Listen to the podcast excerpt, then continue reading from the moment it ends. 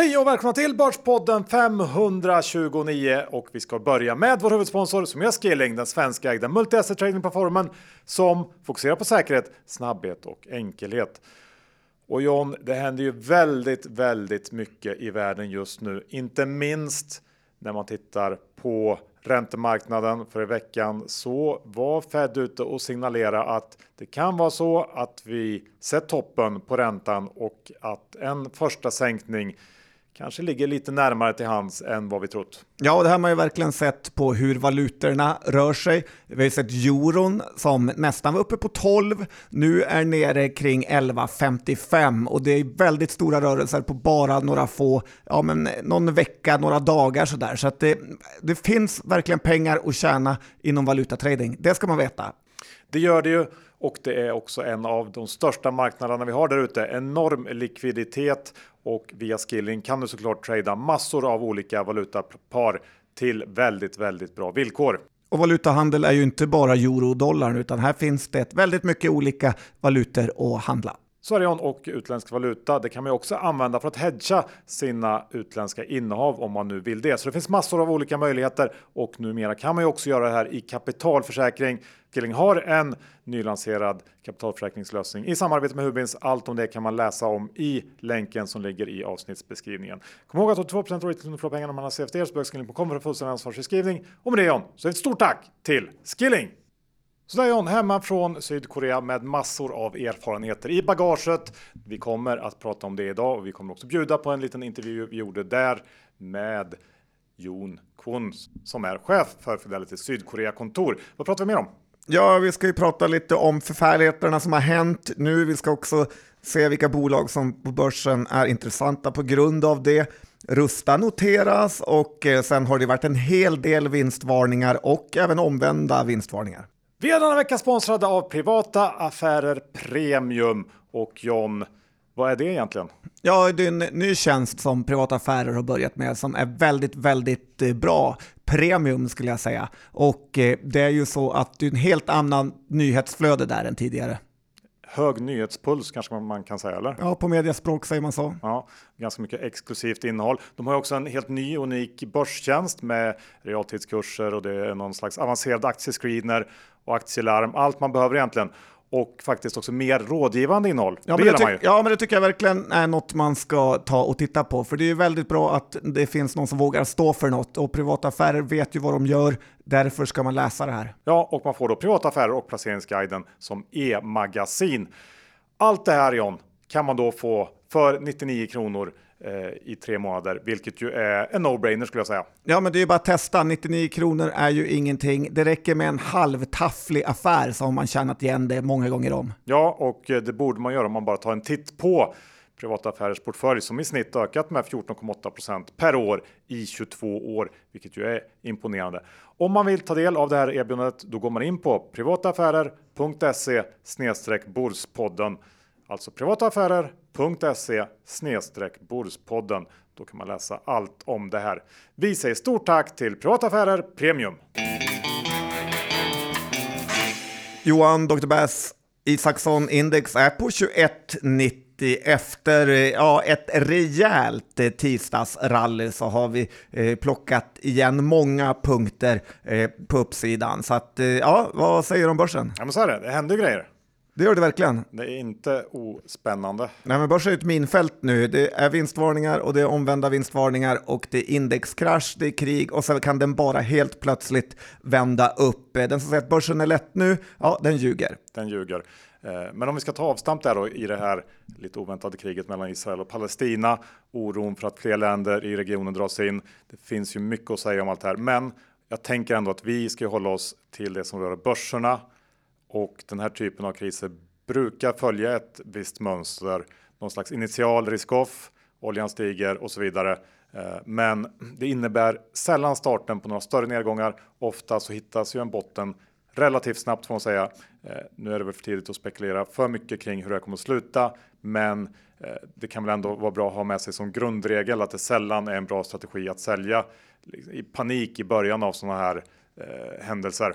Ja, och så är ju verkligen ingen av de här eh, regionerna någon typ av ekonomisk eh, stormaktsområde. så det har ju nästan ingenting med börsen att göra och det har ju ja, ungefär, under hela min livstid från Yasser Arafat och framåt varit bråk här. Så det, är inget, det är ingen nyhet för världen. Nej, och samtidigt som det här pågår så har vi faktiskt fått signaler från Fed om att räntan har toppat och att en första sänkning kan komma tidigare än väntat. Den typen av signaler spelar mycket, mycket större roll för börsen än eh, vad som händer nere i Israel och Palestina just nu.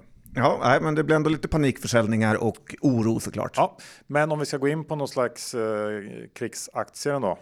Ja, men det kan vi göra ändå, för vi såg det som hände var att Saab drog iväg eh, när Israel blev attackerat och eh, det tål sig att säga hur oändligt trist det är med ägarbilden i den här aktien.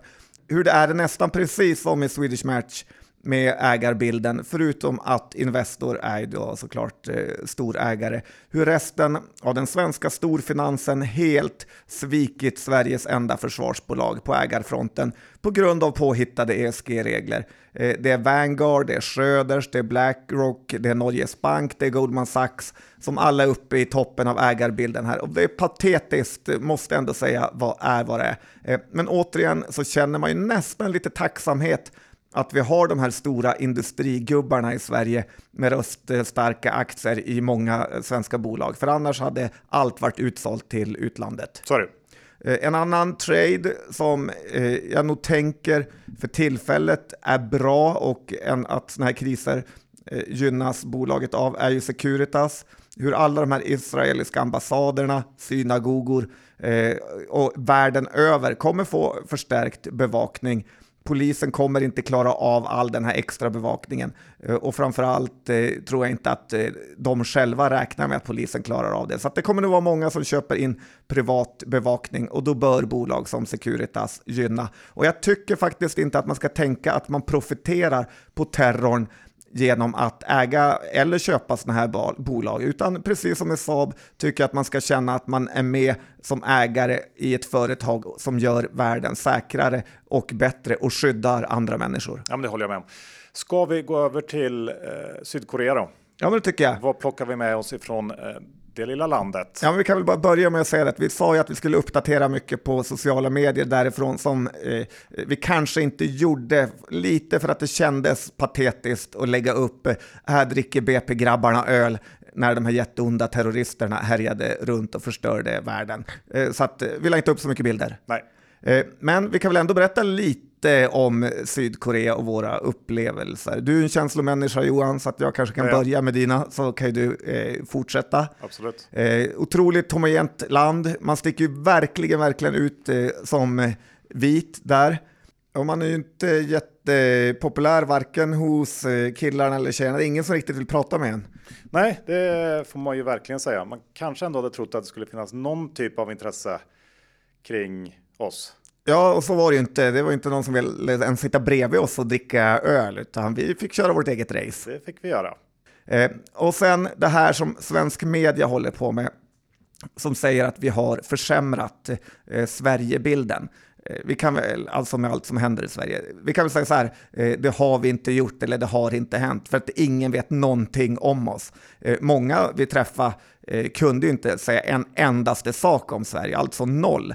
Eh, Zlatan kanske, Volvo om de fick tänka lite, men övrigt var det ju ingenting. Ja, man får ändå ge, ge Volvo någonting eh, som verkligen liksom finns överallt, på varenda liten plats i hela jorden. Ja, och verkligen att både anläggningsmaskinerna och faktiskt bilarna och det var reklam på tv och så vidare. Så Volvo har verkligen ett starkt eh, varumärke. Ja. Det får vi inte sälja bort till utlandet ännu mer än vad vi redan har gjort. Nej, Nej men jag tänkte på det du sa om att man inte var populär.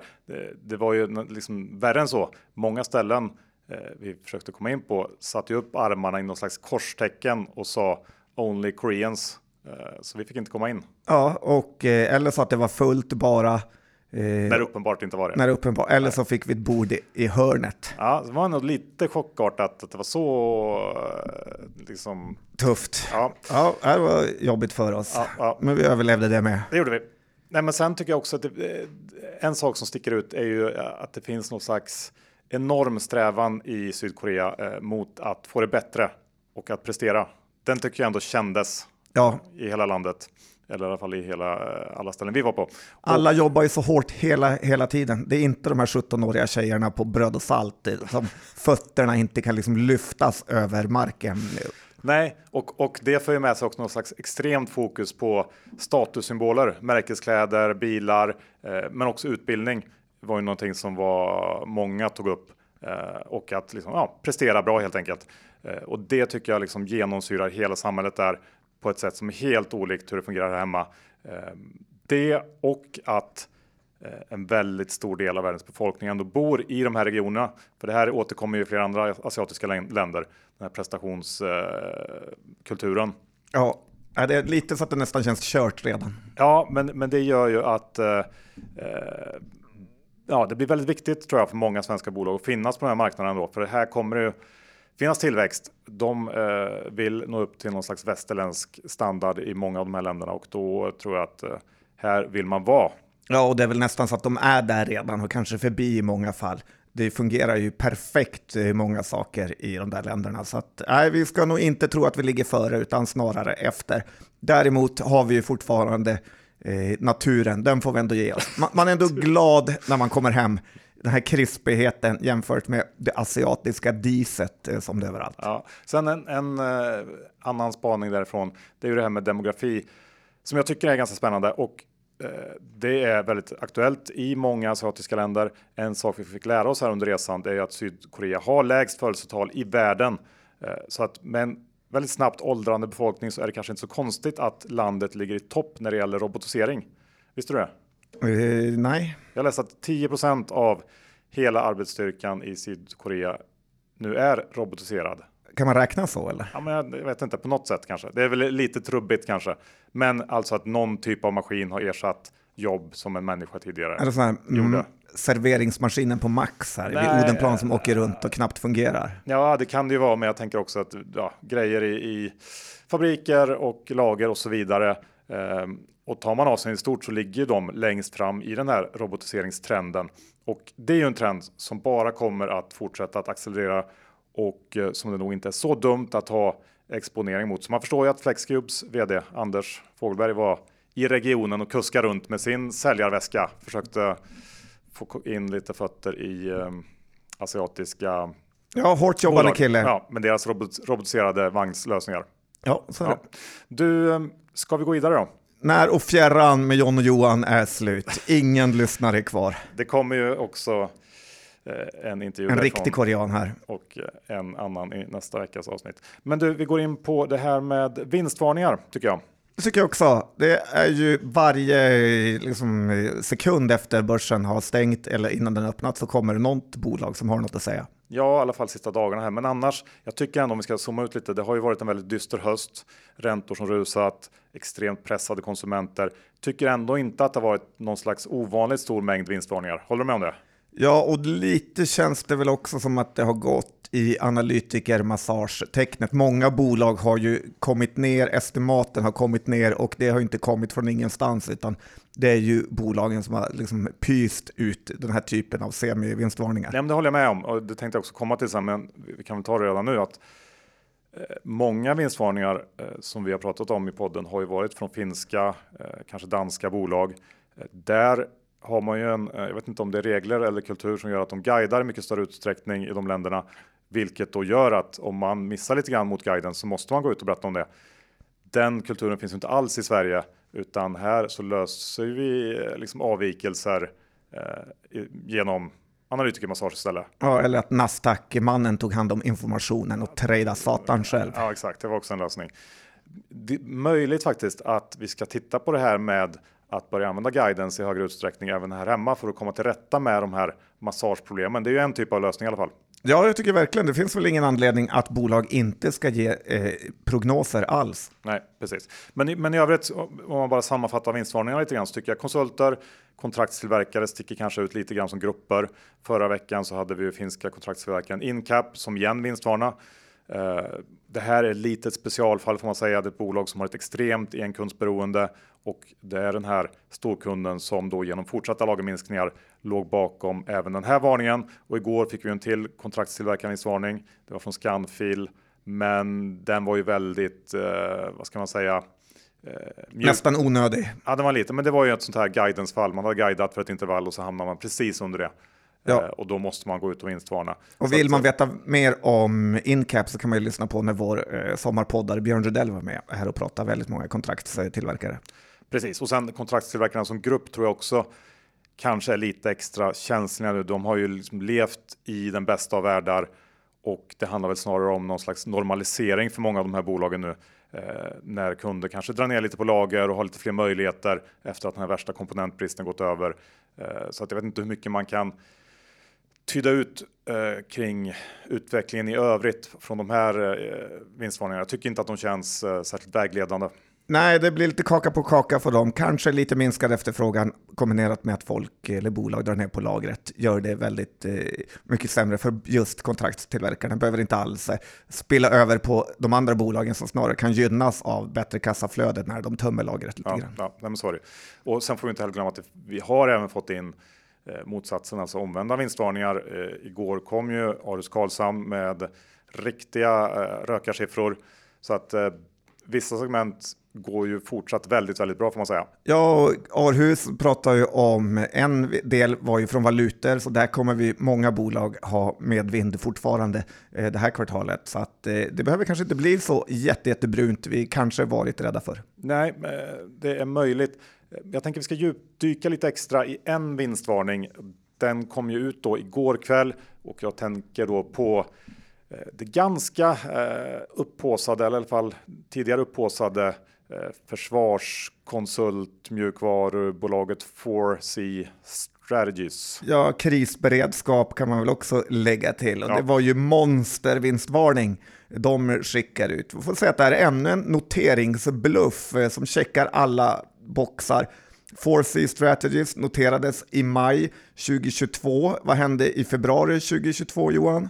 Ja, då var det väl kickstart. Exakt, invasionen av Ukraina och eh, fortare än kvickt då så plockar Private Equity-bolaget Privec tillsammans med ABG fram Four Strategies då för notering på börsen.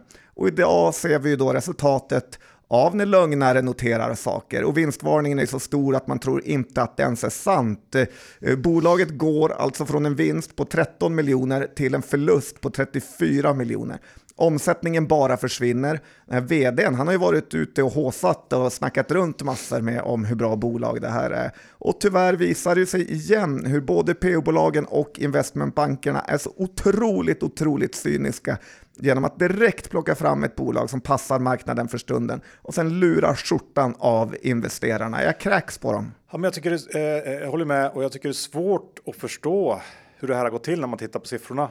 Eh, nu, de tappar alltså 40% av omsättningen här i Q3 och eh, nu skyller man på några eh, mjukvaruordrar som har blivit eh, ja, men förskjutna framåt i tiden helt enkelt. Men det liksom räcker ju inte som förklaring. Nej, här ska ju vdn kickas och styrelsen ska avgå och eh, eh, ja, någon ska ställas till svars. Typ, ja, det känns för... också tycker jag om man tittar på att de har gått ut och då våldsatsat på tillväxt. Eh, med de här pengarna man tog in i eh, noteringen. Men det verkar ju också gått fullständigt fel. Eh, och det är svårt och jag vet inte riktigt vad det måste vara något fel på deras erbjudande eller för att om man inte kan lyckas i det här klimatet om man då är inriktad mot försvarsindustrin, det är ju liksom ändå största kunden. Ja, det... Så det, det är så märkligt så att jag, jag, får inte ihop det. Nej, men det här borde ju Finansinspektionen ta och titta på hur man kan vara så här lögnaktig i sina prospekt och eh, jag är extremt besviken på börsen igen. Igen? Ja.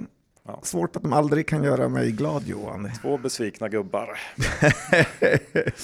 Men, eh, och aktien är ju ner 40 procent. Eh, det kommer, finns ju ingenting som talar för den heller. Eh, dålig omsättning. Jag såg att det inte var jättemånga aktieägare på, i aktien, så det får man ju vara glad för. Så är det. Du, vi går vidare till någonting mycket roligare och det är ju att ett nytt bolag är på väg till börsen. Jag pratade lite om det tidigare, men uh, Rusta är det ju som ska noteras. Jajamän, och eh, det sägs redan nu att den så kallade boken redan är full. Eh, det här blir ju det enda svenska noterade lågprishandelsbolaget eh, som kommer noteras då och därför är det nog så poppis. Dubbeldusch i korgar för 13 kronor Johan. Eh, vem vill inte äga sånt? Ja. Eh, samtidigt eh, glömmer man ju sån här en gång i veckan på gymmet. Eh, så att, undrar om det finns någon som någonsin använt upp en hel dubbeldusch utan att glömma just, bort den. Kanske just därför man älskar det. Ja, men det finns ju ett Rusta på Bromma Blocks. Har du varit där? Det har jag någon gång faktiskt. Ja, Jag är jag- inte jättefrekvent eh, besökare, men Så är det när man har eh, monsterlägenhet i Marbella. Då är man, är man inte Rusta-kompatibel. Jag har ju varit där ganska mycket, ska jag säga, bara för någon vecka sedan. Och det är alltid, alltid mycket folk och det är alltid något man kan köpa. Och det är ju faktiskt bra priser. Eh, Så att de har ju definitivt en plats här i Sverige. De ska satsa i Tyskland med, såg jag. Eh, Intressant att följa. Eh, det är Bra grundägare här. Lite konstigt är att det inte finns några ankarinvesterare, eh, men det blir ju en solklar tecknarrekommendation mest för att den kommer vara övertecknad. Det kommer finnas stödköp från Carnegie, så kallad green shoe, så chansen att eh, förlora pengar är nästan obefintlig på kort sikt. En sån här teckna, sälj, eh, rek. Eh, det kan bli en plus minus affär som värst skulle jag säga, men man måste våga ta ett skott när man eh, får chansen. Sen lite så här tänker jag också, att vilken succé det här hade kunnat varit för Montrose by Carnegie om de varit uppe och kört nu. Och eh, man såg att alla som hade ett konto där fick mycket högre tilldelning än vad man får på de andra eh, mäklerien. Så att det hade varit en extremt lyckad marknadsföringssuccé för Montrose by Carnegie om de hade varit uppe, eh, för det här är ju ändå lite av en profilnotering. Men, men nu missar de den här chansen. ja, men jag håller med. Eh, det hade det varit. I Norge händer det grejer också här. Det gör det verkligen. Och XXL. Ja, det är ett bolag vi ändå följt genom åren, ladorna där ute, också på Bromma Blocks. Det är mycket man kan lära sig. Vi blir ibland dissade för Bromma Blocks Hela världen finns i Bromma Blocks. Ja, lite mikrovärld där faktiskt. Men eh, det här är ju ett Altor-bolag som fullständigt havererat för den som inte följer norska börsen så noggrant. Eh, eh, och XXL Eh, kom ju nyheten här nu att den tidigare Newcastle United-ägaren eh, Mike Ashley har köpt ungefär 10% av aktierna i XXL på den konstiga kursen 90 öre faktiskt. Och aktien handlades eh, innan i 68 öre, så han betalar rejält premiumpris här. Eh, Mike Ashley har gjort sina pengar i Storbritannien på att äga Sports Direct och gjorde typ 2,5 miljarder på att sälja sitt Newcastle till eh, Saudiarabien då. Där, ja, vi har ju Alexander Isak, du följer honom nu. Och det här är ju Mike Ashley alltså, är en person som ingen gillar och är extremt störig och jobbig. Så han och Harald Mix har det säkert roligt tillsammans på XXLs eh, styrelsemöten. Eh, aktien är i alla fall upp typ 60% på det här idag, så det är kul för de andra aktieägarna. Från väldigt, väldigt låga nivåer ska sägas. Ja, då. otroligt låga nivåer. Ja, men det, det är ändå, jag är fascinerad över att det finns så många eh, liksom kända ägare i XXL. Vad är det som gör att de dras till det här? Ja, det är svårt. Det är väl otroligt billigt just nu i alla fall. Ja. Alltså, det kan ju vara kul att kolla på, även om man kanske inte är jättelockad ändå. Just Nu. Nej. Du, jag tänker att vi också ska ta dagens eh, enda vad jag vet rapport. Dustin, Dustins Q4. From dust till ännu mer dust. Ja, kan man säga. Nej, men den var ju eh, jättesvag.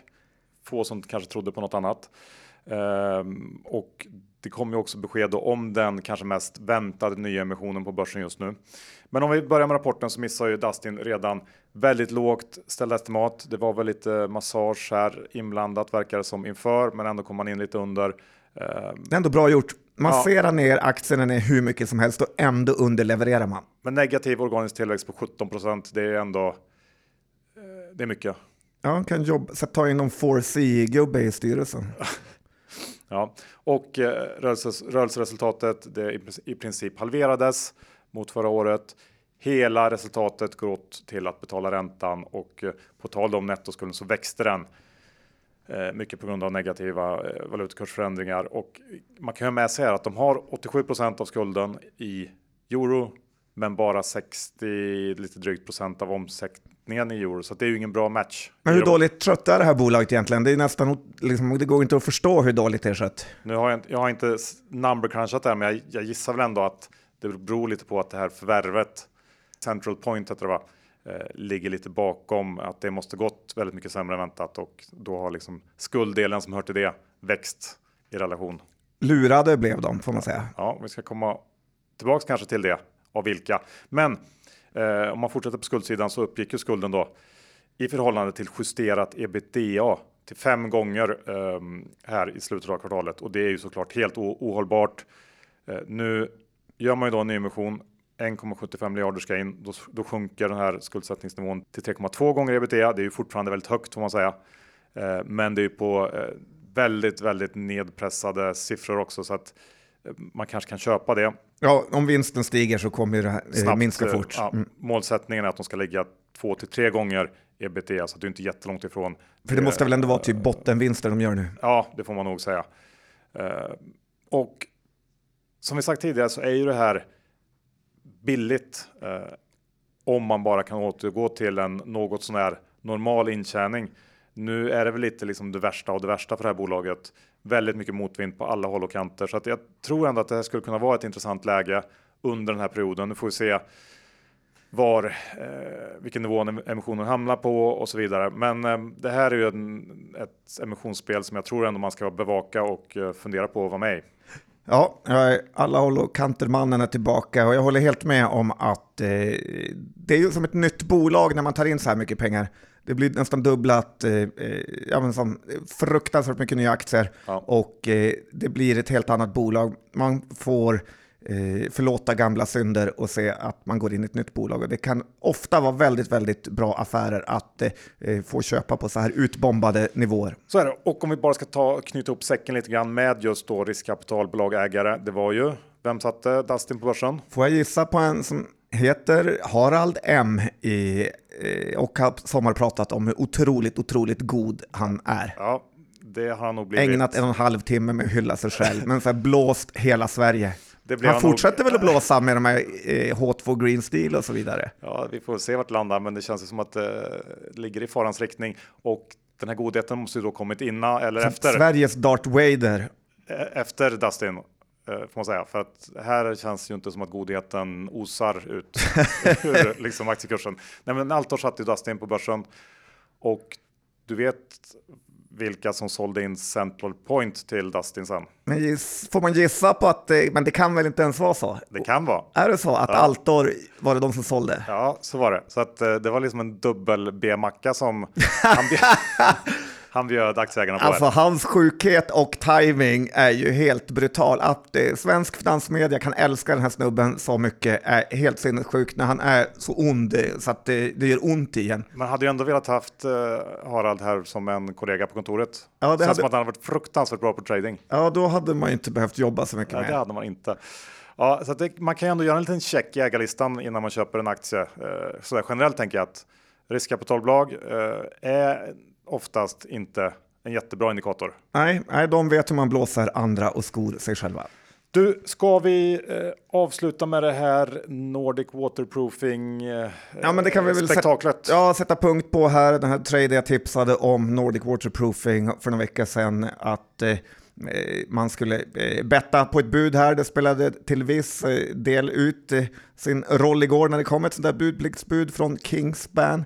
Tyvärr blev det ju då på låga 160, men likt andra budpliktsbud så handlades aktien över. Så att det gick att komma ur den här tröjden på plus minus noll i princip. Jag har vräkt ut mina aktier och är lite förvånad sådär att man inte passade på att norpa åt sig hela bolaget här, ett ganska fint bolag, när omständigheterna runt om med valuta, bottennivåer för bygg och så vidare eh, varit så negativa. Eller så var det för att jag hoppades för mycket. Men, men, det är det som är härligt med börsen. Nya danser, nya chanser, bara sälja och gå vidare.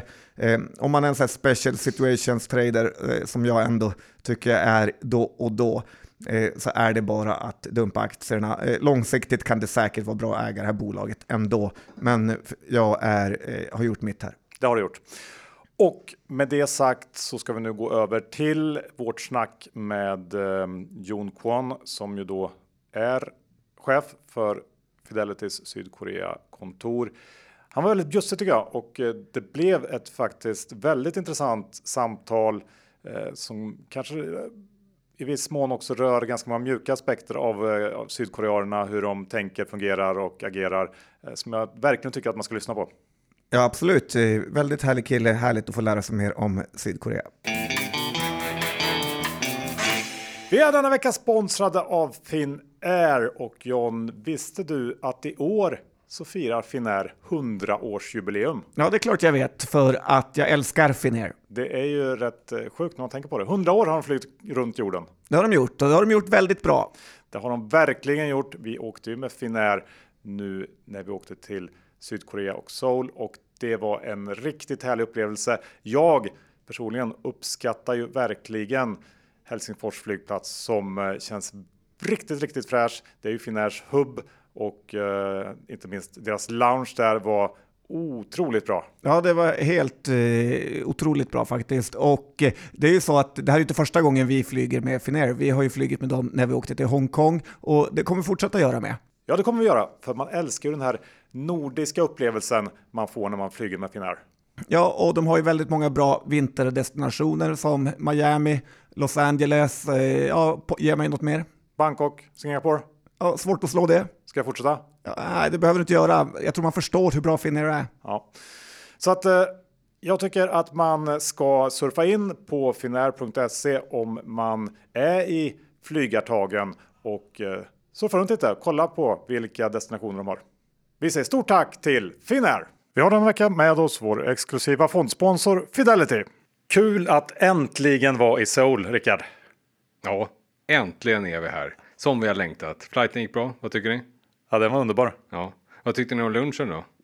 Det var helt otroligt. Eh, bibimbap här i Korea, kan det bli bättre? Nej, det är helt annat än att äta den hemma i Hötorgshallen eller liknande. Hörni grabbar, vad säger ni om att besöka Fidelity här i stan i Seoul? Det låter väl som en fantastisk idé. Ja, men perfekt, då drar vi. Okay, uh, then we are here in uh, Fidelity International office in Seoul with um, uh, Yoon Kwon. Is that correct? The correct pronunciation? Uh, June, but June. otherwise correct. Yes. Okay. so uh, you are uh, country head of Fidelity in in uh, Korea. Is that right? Uh, yes, uh, I've been with Fidelity for uh, for ten years, uh, just under ten years, and uh, I'm currently the country head uh, of uh, the Korea office.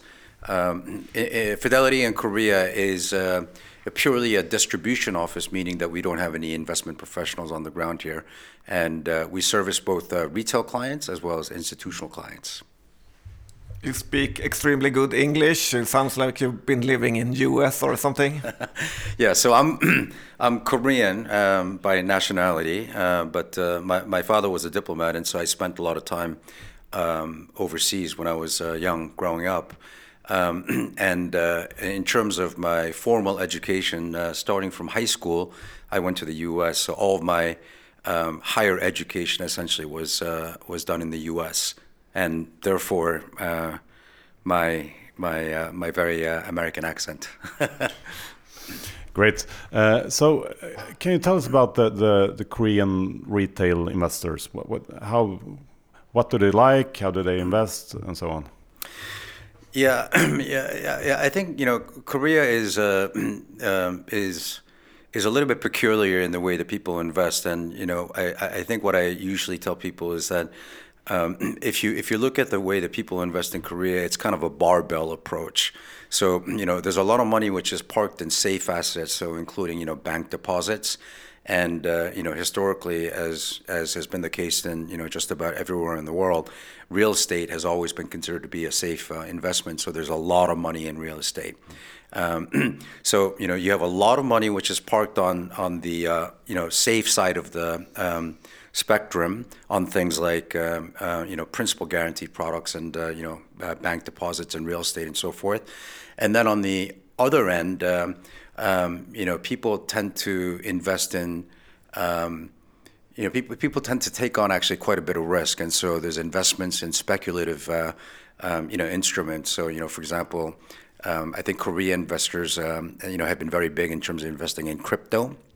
There's a lot of leverage in the in the market, um, and and that actually you know makes our job uh, at Fidelity a little bit challenging because you know a fund management house like Fidelity. Uh, we offer products uh, typically with an expected return of somewhere between, let's say, about you know, four to ten percent. I think is a pretty good range, right? You know, including equity products, fixed income products, and, uh, multi-asset products. Um, but because the expected return on the risky end of the spectrum for, for many Korean investors is going to be, you know, you know, something. I'm looking for something which is going to get me 15% or 20% or more.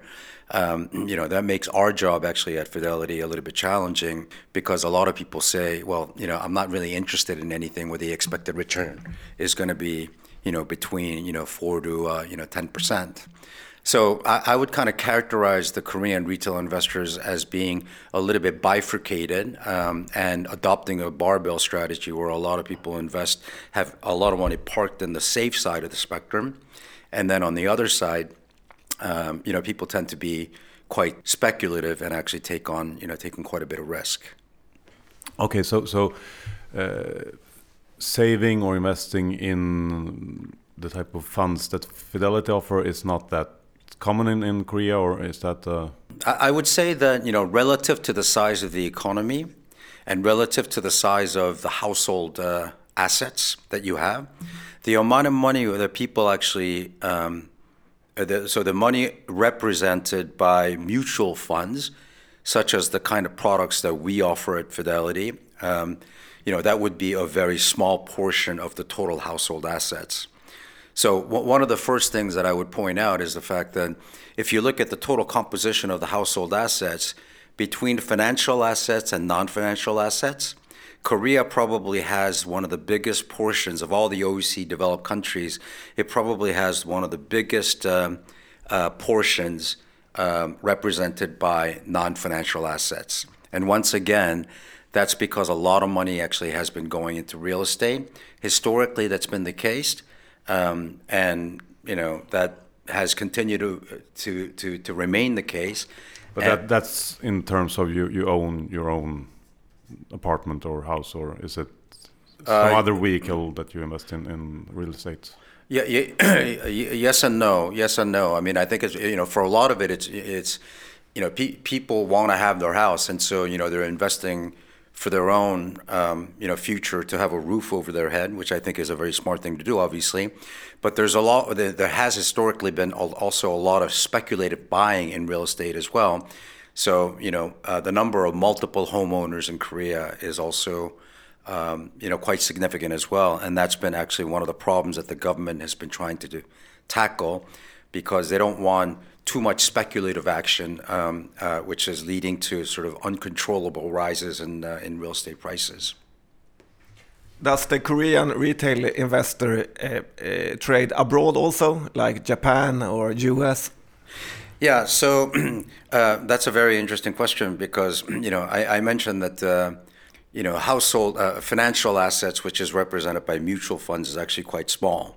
Um, and typically in, in many in most other OECD countries, I think um, the, the the amount represented by mutual funds, I think, is going to be either bigger or it's going to be um, it, you know, it's going to be a very significant portion. In Korea, people do invest abroad, and the way that they invest abroad very often is instead of buying, let's say, for like a you know like a Fidelity fund, because we offer global capabilities, right? You know, global equity fund or U.S. fund or you know, European fund or whatever. So instead of getting exposure to overseas equity markets by buying funds, they will go and buy directly Um, individual stocks in overseas exchanges. The vast majority of that is going to be in the US. And what is really surprising is that if you look at the top 10 names that have been bought by retail investors, individual stocks, that amount is actually much bigger than the amount of money that people have committed to overseas equity funds in total. So, what stocks do Korean people like? So, a lot of it is really going to be, uh, they're, they're going to gravitate uh, heavily towards the IT sector. So, the number one holding is going to be Tesla. And, you know, obviously names like, you know, Meta, Alphabet, um, and other names that really are kind of bellwether stocks within the information technology sector is going to be widely popular amongst uh, uh, amongst Korean investors. And I think another very interesting fact is is um, you know is is some something that really kind of illustrates the appetite for risk that people take, individual you know investors take in Korea, is the fact that currently the the the, the third most held listed security abroad is is an ETF uh, with the symbol TQQQ. So that is um, not just an ETF tracking Nasdaq, but it's one tracking Nasdaq Nasdaq three times levered. But, but how come this this um, uh, risky behavior then fr from the Korean investors? It seems like there is an appetite for for really risky stuff. Yeah, um, I, I, you know, it's it, it's some of it. I think is cultural. You know, it is a little bit hard to explain because in some ways, you know, Koreans can be very conservative as well. Um, but I think there is a generational shift going on, and I think one of the you know one of the one of the things that's really kind of contributing to this um, idea that I need to take on more risk is the fact that a lot of the younger um, people. Um, so let's say you know we're talking about people in their 20s and 30s and maybe early 40s.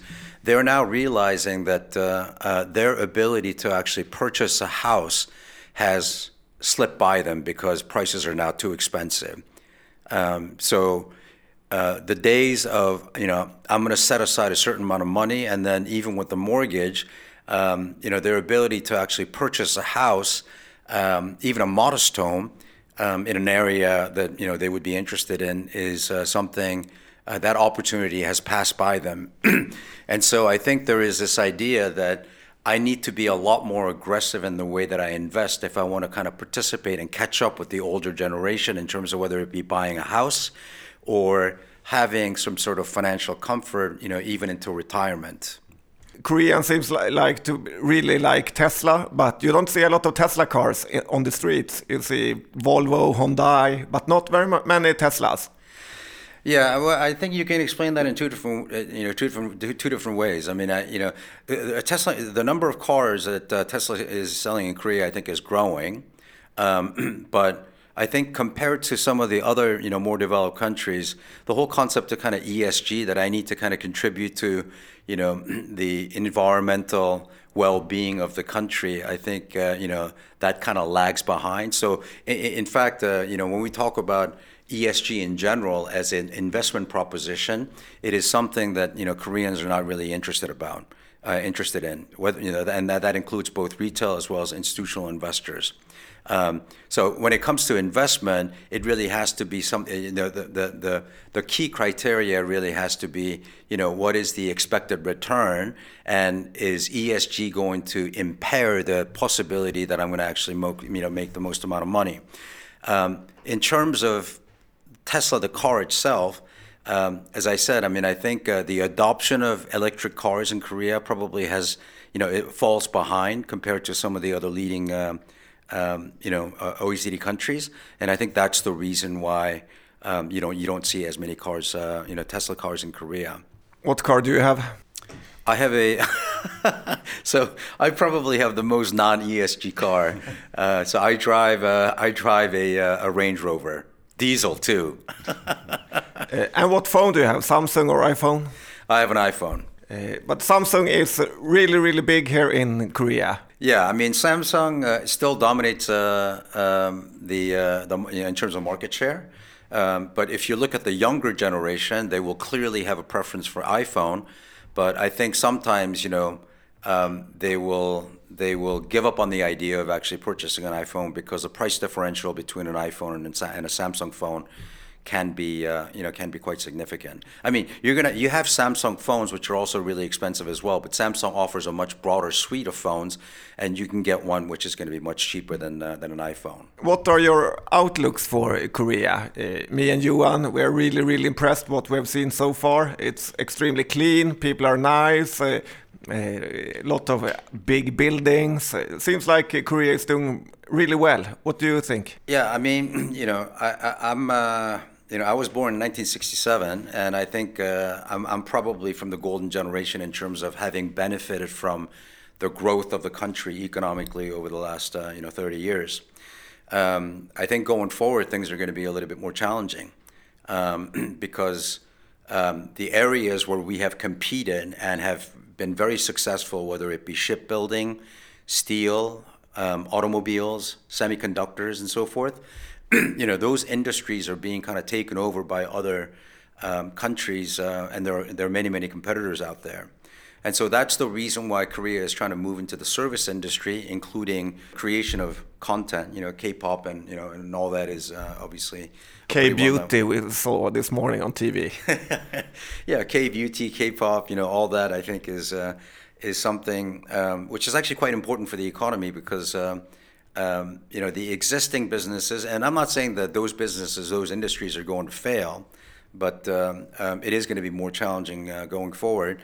And I think in other respects as well, um, you know, Korea faces um, you know some headwinds as well because if you look at Korea, the amount of household debt um, is actually one of the highest in the world. I think it, I think it's like it's the second highest in the world is the stat that I saw, uh, the most recent statistic that I saw. Because of consumer credit or because of home uh, credit? Both.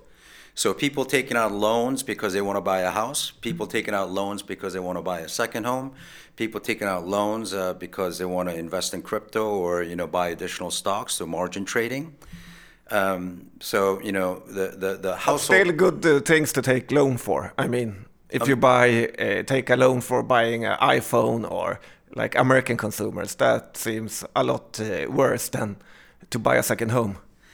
Um, yeah, I guess you could. Yeah, I guess you could. Uh, you could argue that. Yeah, I mean, typically loans are being taken out for making investments either in real estate or other speculative investments. Um, and the other thing that I would highlight is the fact that um, um, the demographics of the country, and obviously this is something which impacts many of the you know countries around the world, but I think it's very acute. It has been very acute in um, in um, in uh, in Japan. It, it is going to be very very painful and acute for Korea as well. Um, because I think um, uh, the current uh, forecast is that I think in about four years' time, um, 50% of the entire population is going to be the age of 50 or over. Okay? Mm. The birth rate in Korea is the lowest in the world. I think it's actually technically the second lowest in the world, the, the, the, the, lowest being Monte Carlo, which is not very surprising because the average age of people living in Monaco is probably about, you know, 75 years old. But, you know, apart, apart from uh, Monte Carlo, Korea has the lowest birth rate, uh, you know, in Korea. So I'll give you an example. um, the highest population segment were people who were born in 1971. So the peak years were, I think, you know, starting from about the year when I was born, 1967, 67, 68, 69, 70, 71, you know, that, that sort of neighborhood. and the current number of people who were born in that uh, in those years is close to a million people, slightly less than that, so about 950,000 people. And I think last year the number of new births uh, was less than 200,000 people. So the replacement rate, and last year probably was the trough, and you're comparing it to the peak. But if you compare the trough to the peak, the replacement rate is only about 20%. And that obviously is going to cause problems, uh, you know, in the future as well. Yeah, uh, and why is that? Why why have the Koreans stopped making babies? Um, Johan is very interested. Maybe he can come here and help. Um, I, I, would say that there are two major reasons. Um, number one, Korea is, is, a, is a country which has really kind of developed very rapidly, but also cult, you know, economically, but also culturally as well. So 30 years ago, the percentage of women in, in, the, in the workforce was very, very low. And now there is no differentiation between a man and a woman uh, as they're coming out of college or high school. They know that they need to work. And so there are a lot more women in the workforce, and I, think that has implications in terms of you know the number of children that uh, that they're going to be you know that they're going to choose to bear. But I think uh, a more important reason is the fact that uh, they know that the cost of having a child becomes very expensive for the for, for, uh, some of it is for the reasons that I highlighted before because you know because um, a lot of people don't have homes. And uh, if you want to have a lot of kids obviously you need a you know a bigger house. Um, and uh, the, the the the the cost of educating a child in Korea and you probably have heard that you know a lot of Asian cultures are like this as well but particularly in Korea the emphasis on education is just extraordinarily high. Most people who choose to have a baby will probably have a certain expectations in terms of I I can be responsible for providing a very good education for my child. I mean, public schools are free, so that's not the problem. But everybody kind of competes by having additional lessons outside of school, and that can, you know, that can be very, very expensive. So because couples realize that having children, you know, having one child is going to be expensive, and having two ch- two children is essentially going to be, you know, is, is essentially going to, you know, almost double the cost. You know, most people who get married either choose not to have children, or second, or they choose to only have one child. Uh, But how, how much money are, are we talking about here? Well, I think it really kind of depends on you know, you know, pe- people will obviously set aside different amounts of money, right? You know, it depends on how much you earn. Private education, which accompanies even the kids that go to public schools, you know, you're talking about uh, in the peak years.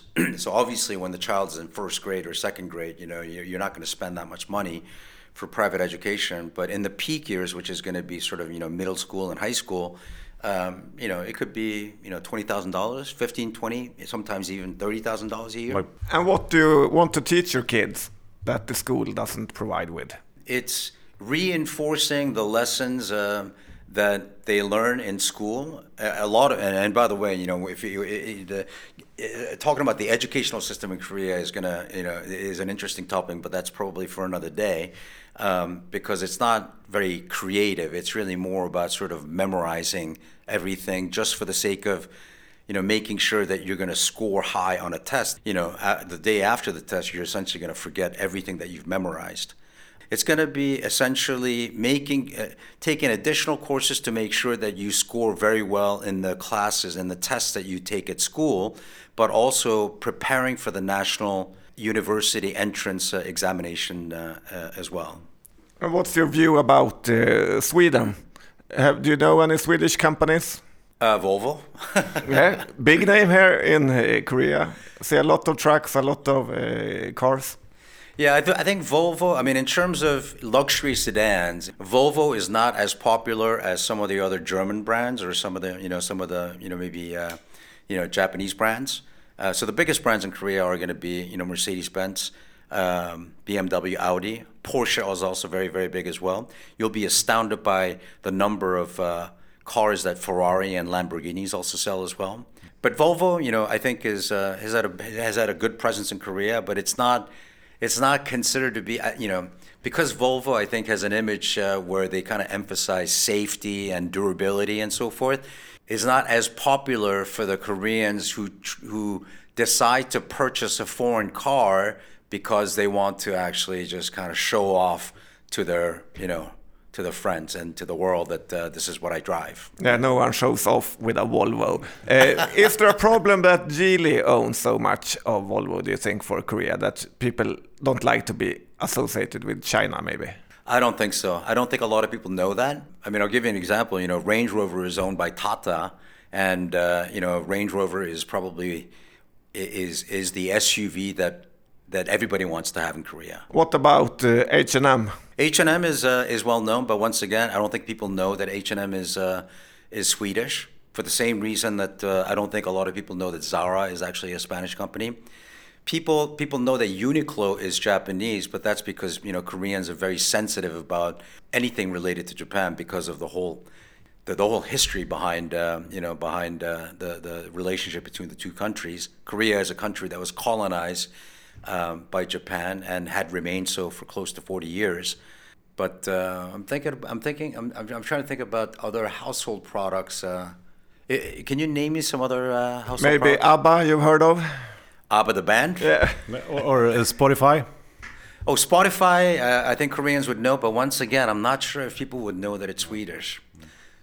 Yeah. Yeah, it's a little bit sad that uh, no one really knows about uh, Sweden in Korea. We have a different uh, självbild. Uh, so, But, but like in Sweden, uh, you know, w- w- do you think that people know that Samsung is Korean? definitely. Do they know that uh, Hyundai is a Korean Yeah. maker? Yeah, I think so. Personally, I have a huge amount of respect for uh, Scandinavians in general, including the Swedes. You know, I think the way that you run your country, I think, is very, very admirable. Um, So, well, not anymore. Well, if you had to choose one Scandinavian country, like which one would you choose? You had uh, to to to be a citizen, yeah, or, or buy or whatever. Put your money in. I don't know if I, I don't know if I know enough about the three different uh, you know the uh, the the the three countries uh, to be able to to be able to say, but uh, I I would I would pick Sweden. Yeah, thank you very much. but but what about China then? Because China is is obviously a, a big deal everywhere in the world, but maybe even more in this part of the world. So, yeah. what about the the impact on on South Korea and, and yeah? Yeah, so I mean, you know, the impact on Korea from uh, China, I think, is going to be is going to is going to is going to is going to manifest itself in various different ways. Um, you know, economically, um, um, if China does not do well, then Korea is not going to do well. Um, and it's not just because of the geographic proximity, but the amount of the, the interlinkage between Korea and China has grown so massively, you know, over the years that, uh, you know, Korea, I think in some ways is very dependent on China's economy actually continuing to do very well as well. Um, in other respects, um, um geopolitically, you know, Korea sits in a very, very precarious situation. The existence of North Korea um, at the moment, I think, serves China and the U.S. well because Korea is, you know, still under the influence of the U.S.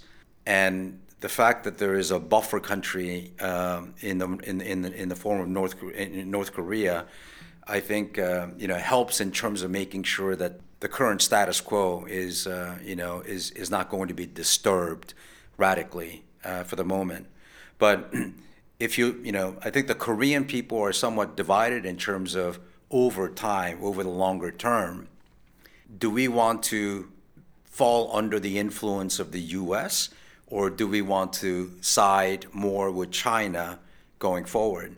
Because it's important to remember that historically, for many, many hundreds and thousands of years, Korea, you know, if you look at the map, you'll see that Korea is actually, uh, you know, I mean, it's it's uh, adjacent to China. You almost have to, have to ask the question, you know, why is Korea not part of China? And I don't know the exact answer to that question. You know, Korea is its own uh, has its own ethnic group and so forth. But historically, Korea has always been under the sphere of influence of China. So it's always been a tributary state of China. China has always kind of left Korea alone so long as Korea, you know, um, made sure that they gave uh, the emperor gifts, you know, every year, and uh, essentially, you know, there was a silent promise that we're not going to cause trouble, but uh, you know, we are a separate, you know, ethnic group living in a peninsula, and so if you leave us alone, that would be great. but historically, you know, Korea has been much closer to China than you know than than the U.S. The U.S.-Korea connection, you know, it really only kind of came about in the last, uh, you know, 75 years. But there's a lot of American culture here. You can see baseball all the time on TV, and uh, you have Starbucks everywhere. That's right. Yeah, that's right, and that, that, that's the result of what's happened, you know, over the last 75 years. But what about the North Korean situation? Will there ever be one country, Korea? Uh, and would you even like that to happen? Because then you get 20 million plus uneducated uh, people to uh, take care of.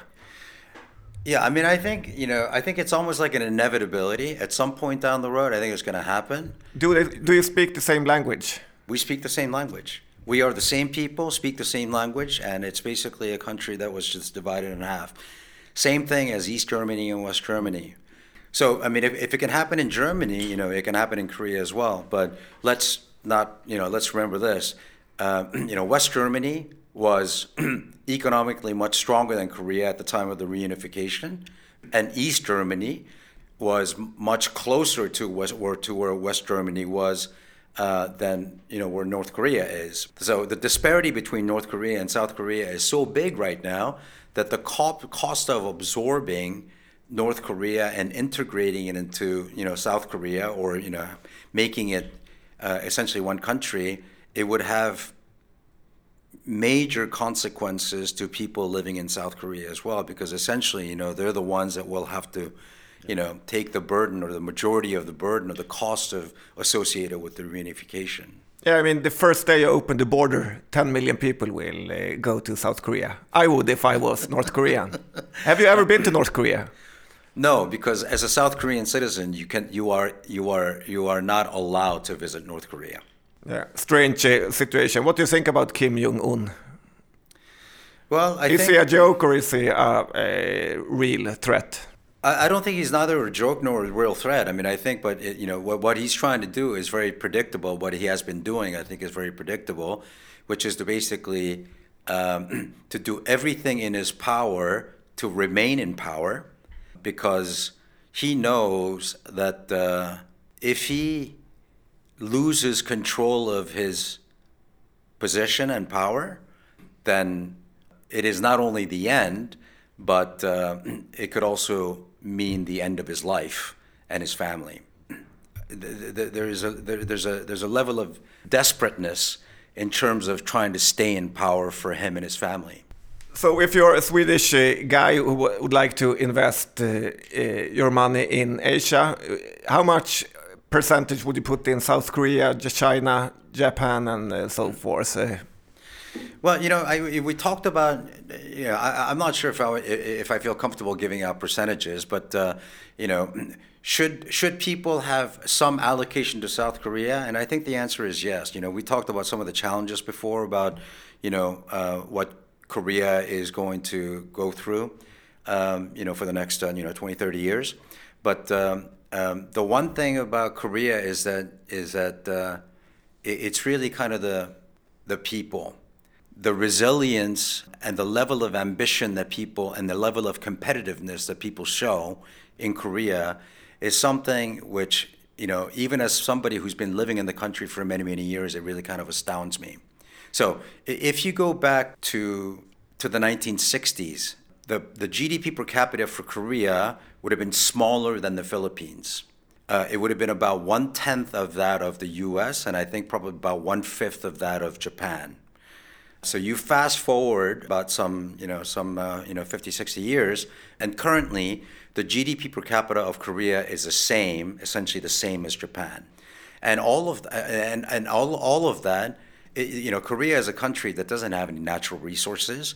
And the biggest uh, strength that it has is its people and the competitive nature of its, uh, of its people you rarely ever meet a Korean person who is happy to be where they are. They always want to, you know, continue to want to move up, and uh, and be better than you know. They want to they want to make sure that their tomorrow is going to be better than you know where they are today. And there's also some downside to that as well. You know, we talked about Korea being number one in terms of, you know, household debt, number one in terms of, you know, lower uh, the lowest birth rate in the world, and one of the most um, sad uh, and tragic uh, statistic is the fact that uh, you know Korea's suicide rate in, uh, I- I currently is uh, number one in the world amongst all the o- OECD countries. It seems like if you do a bad investment, uh, people tend to take su- suicide. Yeah, so you know there is that, but there is also just the pressure of knowing that you have to succeed in school in order to get into a you know good university and then after that, you know, the pressure of getting a good job, the pressure of not disappointing your friends, family, and relatives and your parents, and ultimately, you know, the pressure of not disappointing yourself, which I think is ingrained in, you know, so many Koreans. And the, the upside of that it's, is that it's a super competitive society, which makes everybody extraordinarily effective and efficient. It's a country that runs extraordinarily well. But you know, if you talk about the happiness level of most people living in the country, um, you know, I mean, if there was a happiness index, which obviously, you know, scientifically is not going to be as rigorously, um, it, it, it, it, can't be as it can't be as rigorous as some of the other metrics that uh, you, you might measure. But uh, you know, the level of happiness for most Koreans, I think, is is not going to be is not going to be you know, is not going to be up there. yeah, you don't get rich being happy. Uh, yeah. but, but why is the valuation so low in Korea? in the stock market. Uh, you see a lot of companies which uh, P uh, uh below 10, so yeah. pretty cheap companies. Well, the, you know the valuation the valuation in Korea has been low for you know for for as long as I can remember. You know, it's called the Korea discount. Um, you know, I think uh, it's some combination of um, the at least as far as uh, you know foreigners are concerned, uh, it's some combination of uh, you know the perceived risk associated with North Korea, so the geopolitical risk, um, the reliance on China, uh, the fact that uh, corporate governance in the past, uh, you know, has not been has not been you know up to global standards, and I think corporate governance, you know, continues to probably be much poorer than some of the other developed markets. I think the fact that Korea now currently is stuck in you know, making the transition for, from, uh, you know, moving from a manufacturing economy to one which is, which is going to have to transform itself into services and, uh, you know, other um, sectors uh, uh, in information technology. So I think it's a multitude of different factors that uh, probably contribute to the Korea discount. Okay, super interesting. Uh, Thank you very much, June, for, for having us here in uh, your office in, in Seoul. It has been a, a really interesting uh, time speaking with you. Thank you. My pleasure. Thank you. Thank you very much. Slut på avsnitt 529. Vi säger stort tack till vår huvudsponsor Skilling. Se till att öppna konto om ni inte redan gjort det. Men kom ihåg att 82% av alla lite kunder förlorar pengarna man har CFD. Skilling.com för en fullständig ansvarsfri skrivning. Eh, och med det John så ska vi prata lite om vad har vi för innehav. Ehm, jag eh, har en trade igång i Dustin just nu. Jag vet inte riktigt hur det kommer att sluta eller när så att det kan. Eh, den kan. Den långningen är det ska jag säga kan försvinna när som helst. Ja, bygg inte kring oss där. Jag har också köpt lite Dustin mest för att du har gjort det. Lite kul att följa när den har gått ner så otroligt mycket. Du nämnde Flexcube. Där har vi också lite aktier eh, ganska mycket. Och jag kommer teckna i Rusta ny emission, eller ny introduktionen här. Så att, eh, det är väl vad jag har att bidra med idag. Ja, bra. Då tackar vi för att ni lyssnade. Vi hörs nästa vecka igen. Ta det lugnt ute. Hej då! Ha det så bra och hej då!